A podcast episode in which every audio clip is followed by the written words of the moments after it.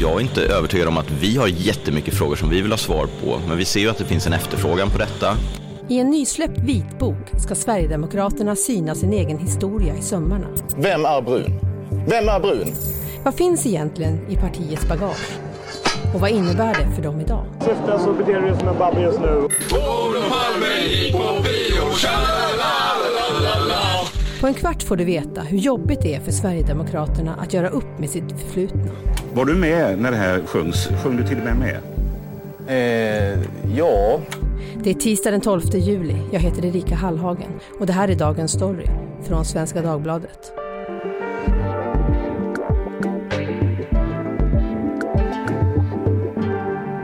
Erik Hedtjärn, politikchef på Svenska Dagbladet. Du har lång erfarenhet av politisk bevakning och har bland annat gjort en radiodokumentär om den tidigare SD-profilen Kent Ekeroth. Eh, så du har bra koll på SDs historia.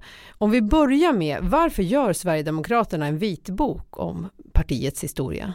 Alltså det, partiets historia har ju varit ett, ett problem för Sverigedemokraterna eh, jättelänge. Sen, sen egentligen 90-talet. Eh, och Eh, eh, att de gör det, de, de har liksom återkommande fått frågor om ifall de inte ska göra upp med den här historien. Eh, frågor som också har fått liksom eh, en aktualitet och mer känts mer brännande eftersom det har hänt saker liksom i samtiden som har påmint eller liknat den här historien. Och eh, att de gör det just nu, det handlar om att de 2017 sa att de skulle göra det. Eh, de har pressats på, på, på, på den punkten, liksom. ska ni inte göra upp på något sätt med den här historien? Och sen så, har, har, så sa de att de skulle göra det. och sen så har de haft svårt att hitta någon som ska kunna skriva den där vitboken. Eh, sen så återkom det här löftet eh, nu under den här mandatperioden eh, och eh, så hittar de en person och då har de känt att de inte har kunnat backa från, från löftet. Mm. Det kanske är en dum fråga, men även sådana måste ställas. Vad är en vitbok? En vitbok är liksom en... Eh, att man lägger korten på bordet, kan man väl säga. Så här, går igenom det som har hänt. Och eh, det är också en sån genre som är någon sorts mellanting mellan att vara en objektiv granskning och någonting som sker inifrån. Så att det är ofta att man gör vitböcker om, böcker om sig själv. Ett företag kan göra en, en vitbok om anklagelser om missförhållanden, om korruption eller någonting. Och ett parti kan göra en vitbok om sin historia eller något som har gått fel. Mm. Du sa att det var lite svårt för dem att hitta någon som kan skriva det. Vem är det som utreder? Ja, den som utre- gör det här, det är en idéhistoriker på Uppsala universitet som heter Tony Gustafsson. Jag tillhör de som gärna skulle vilja läsa den där vitboken så att då, då fick man ta och skriva den istället. Eh, och eh, han har tidigare skrivit för den här eh, tankesmedjan som Mattias Karlsson har, som är en tankesmedja som står SD nära kan man väl säga. Och han fick frågan om han kunde göra det här och tackade ja. Så, så är liksom den beskrivningen som både han och partiet ger. Och den kopplingen, vad har, vad har eh, folk i allmänhet sagt om den? Ja, men han menar ju att han är, eller han är en, en oberoende forskare och menar att han tar sig an det här uppdraget som en oberoende forskare. Jag skulle säga att det är lika fristående som när jag har extern forskningsfinansiering från en forskningsstiftelse. Eh, och sen får han ju betalt av partiet, Sverigedemokraterna, för att göra det här. Det är intressant. Jag, jag, vet ju inte själv, jag har inte sett kontraktet, men jag har pratat med eh, Sverigedemokrater med liksom insyn som beskriver det här kontraktet som att han har väldigt stor frihet. De får inte påverka det som ska stå i den här vitboken. Sen vet jag inte om det, ja, jag har inte sett det själv, men det är så som, som de i bakgrundssamtal beskriver det. It's that time of the year. Your vacation is coming up. You can already hear the beach waves, feel the warm breeze, relax and think about work. You really, really want it all to work out while you're away. Monday.com gives you and the team that peace of mind. When all work is on one platform and everyone's in sync, things just flow wherever you are. Tap the banner to go to Monday.com.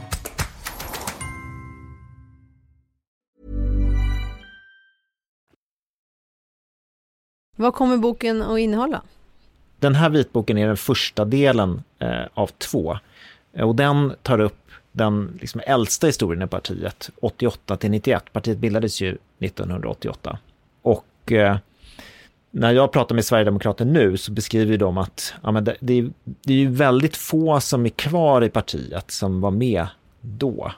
Om man tittar på var, en förklaring till varför det har tagit väldigt lång tid för Sverigedemokraterna att liksom komma till den här punkten där de är idag, när de kan förhandla med andra partier och kanske vara ett regeringsunderlag, när de till och med själva kan prata om sig själva som ett regeringsparti. Då har, har ju en del forskare som Ann-Katrin Ljungar till exempel jämfört med andra nordiska länder och såna här högerpopulistiska partier i, i de länderna. De har inte haft den här historien. De har inte haft de här kopplingarna till vit maktrörelsen under 90-talet och för dem har liksom resan in i ett politiskt etablissemang gått lättare. Sverigedemokraterna bildades i februari 1988 och kan enligt Nationalencyklopedin ses som en fortsättning på anti-invandringskampanjen Bevara Sverige svenskt. Vi måste stänga våra gränser, vi måste helst skicka ut invandrarna igen. Vi måste bevara Sverige svenskt. Bland grundarna fanns män med en bakgrund i nazistiska eller fascistiska grupperingar som Nordiska rikspartiet och Nysvenska rörelsen. Sverige svenskarna! Tja-la-la-la! Sverige svenskarna! Tja! Partiet har enligt dem själva nationalistisk och socialkonservativ inriktning. Här blev jag upplyft på min faders Till en början hade Sverigedemokraterna två talespersoner, men sedan 1992 har man istället letts av en partiledare, där den tredje, Jimmy Åkesson, som tog över partiet 2005, har varit den mest framgångsrika. 2012 förklarade han nolltolerans mot extremister, rättshaverister och rasister i partiet och enligt en sammanställning som Dagens Arena gjorde i fjol har man sedan dess uteslutit omkring 100 personer. Peter Wallmark utesluts ur partiet. Christer Börjesson kommer att uteslutas. Wilhelm Eriksson och den tidigare gruppledaren i kommunen Björn Lindgren har uteslutits ur partiet. Under Jimmy Åkessons ledning har väljarstödet för Sverigedemokraterna tredubblats sedan man 2010 kom in i riksdagen med knappt 6 procent. Idag är partiet Sveriges tredje största efter Socialdemokraterna och Moderaterna. Väljarstödet har dock planat ut och enligt Novus och SVTs väljarbarometer för juli 2022 är siffrorna idag de lägsta sedan juni 2019.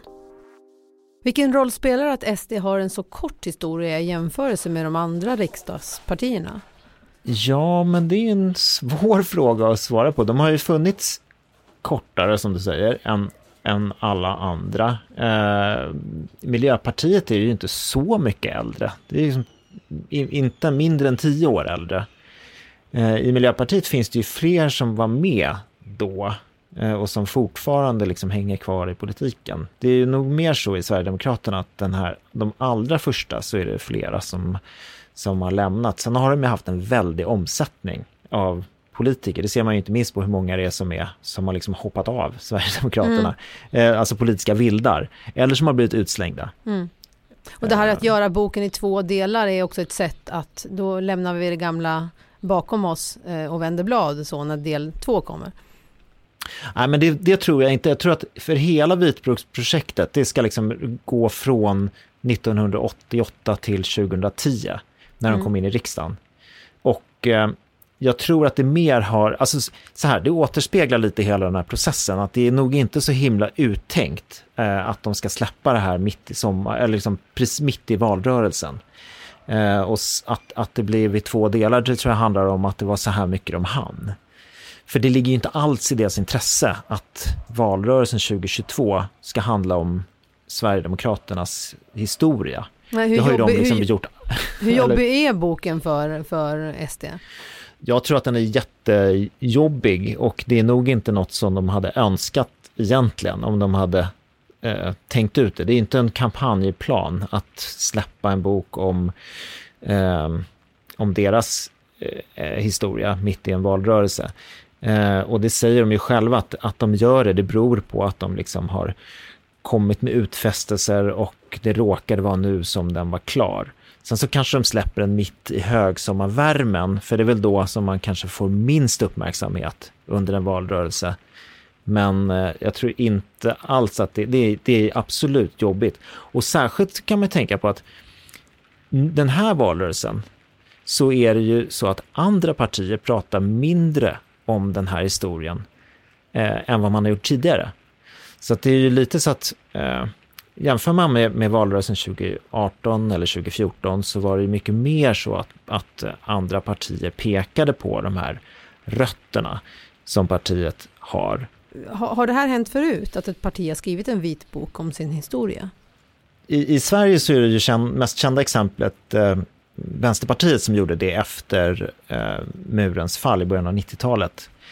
Eh, och eh, den har också gjorts eh, i en uppdaterad liksom, version sen un, några år senare. Så de, den är ganska, eh, det är väl den närmaste förlagan.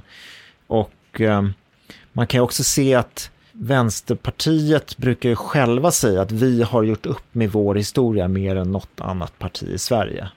Och eh, jag vet att Jonas Sjöstedt, han har sagt det när jag har intervjuat honom om, om, om deras vitbok och, och jämfört den med de här kraven på en vitbok från Sverigedemokraterna, att eh, det finns ett liksom stort allvar i hur vänstern har gjort upp med sin historia, som han då inte tyckte att han såg hos Sverigedemokraterna. Och det är ju intressant för att eh, det öppnar ju lite för att om Sverigedemokraterna gjorde upp med sin historia på allvar, sådär som Jonas Sjöstedt tycker att hans parti har gjort, då skulle de ha möjlighet att genomgå samma liksom, reningsbad som Jonas Sjöstedt tycker att vänstern har genomgått. Ja, men borde fler partier ta fram egna vitböcker? Jag vet inte, alltså historien finns ju där och det är ju, jag är journalist så jag tycker ju att, eh, att vi kan ju göra ett sånt jobb eh, där vi som oberoende granskare kan beskriva partiers historia jag vet inte om det är så att de kommer fram till mer fakta för att de själva gör det. Eh, sen så är det ju möjligt att de, alltså det är möjligt att de kan tjäna strategiskt på det eller förlora. Det, det vet jag inte riktigt. Mm. Ja, kommer SDs vitbok göra någon skillnad? Jag menar, kommer Jimmy Åkesson fortsättningsvis behöva ryta åt Per Bolund för att han blir kallad brun eller är de tiderna förbi? Jag tycker att det är svårt att säga. De, för förhållandet till historien som SD har haft, det har ju skiftat lite. Om man tänker för några år sedan, då pratade man om då vet jag att Richard Jomshof till exempel, partisekreteraren, han pratade om den liksom om, om SDs historia som att det fanns de, de vilsna åren. I, först när de, när de bildades, då var partiprogrammet och partiet bra. Och sen så liksom Uh, ja, sen halkade de snett under några år och sen så kom de tillbaka och när han gick med i slutet av 90-talet då var det ett mycket bättre Sverigedemokraterna.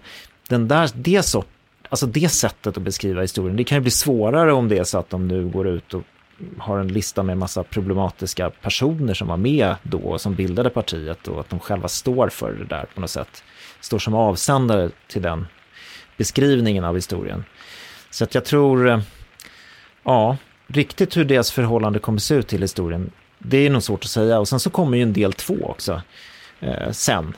Eh, och, och när den är den tänkt att komma? Jag tror att den ska komma under nästa år. Jag är inte helt säker, men den, den kommer ju nog, den kommer ju komma efter valet i alla fall. Och den kommer ju röra en period då den nuvarande partiledningen var, gick med i partiet och var aktiva i partiet. Och det skulle ju på ett sätt kunna vara mer besvärande för, för Sverigedemokraterna idag än vad den här liksom allra äldsta historien är. Mm. Tack Erik för att du var med i Dagens Story. Tack själv. This podcast is brought to you by eHarmony, the dating app to find someone you can be yourself with. Why doesn't eHarmony allow copy and paste in first messages? Because you are unique and your conversations should reflect that. eHarmony wants you to find someone who will get you. How are you going to know who gets you? If people send you the same generic conversation starters, they message everyone else.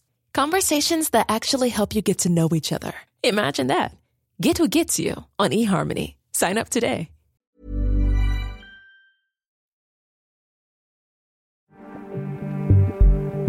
Du har lyssnat på Dagens Story från Svenska Dagbladet. Vi som gjorde programmet idag är redaktör Teresa Stenler från Matern, klippte gjorde Lasse Edfast och jag heter Erika Hallhagen. Klippen i avsnittet är hämtade från Expressen, SVT och Sveriges Radio. Musiken som spelades var Fädernesland av Ultima Thule. Vill du kontakta oss så mejla till dagensstory.svd.se.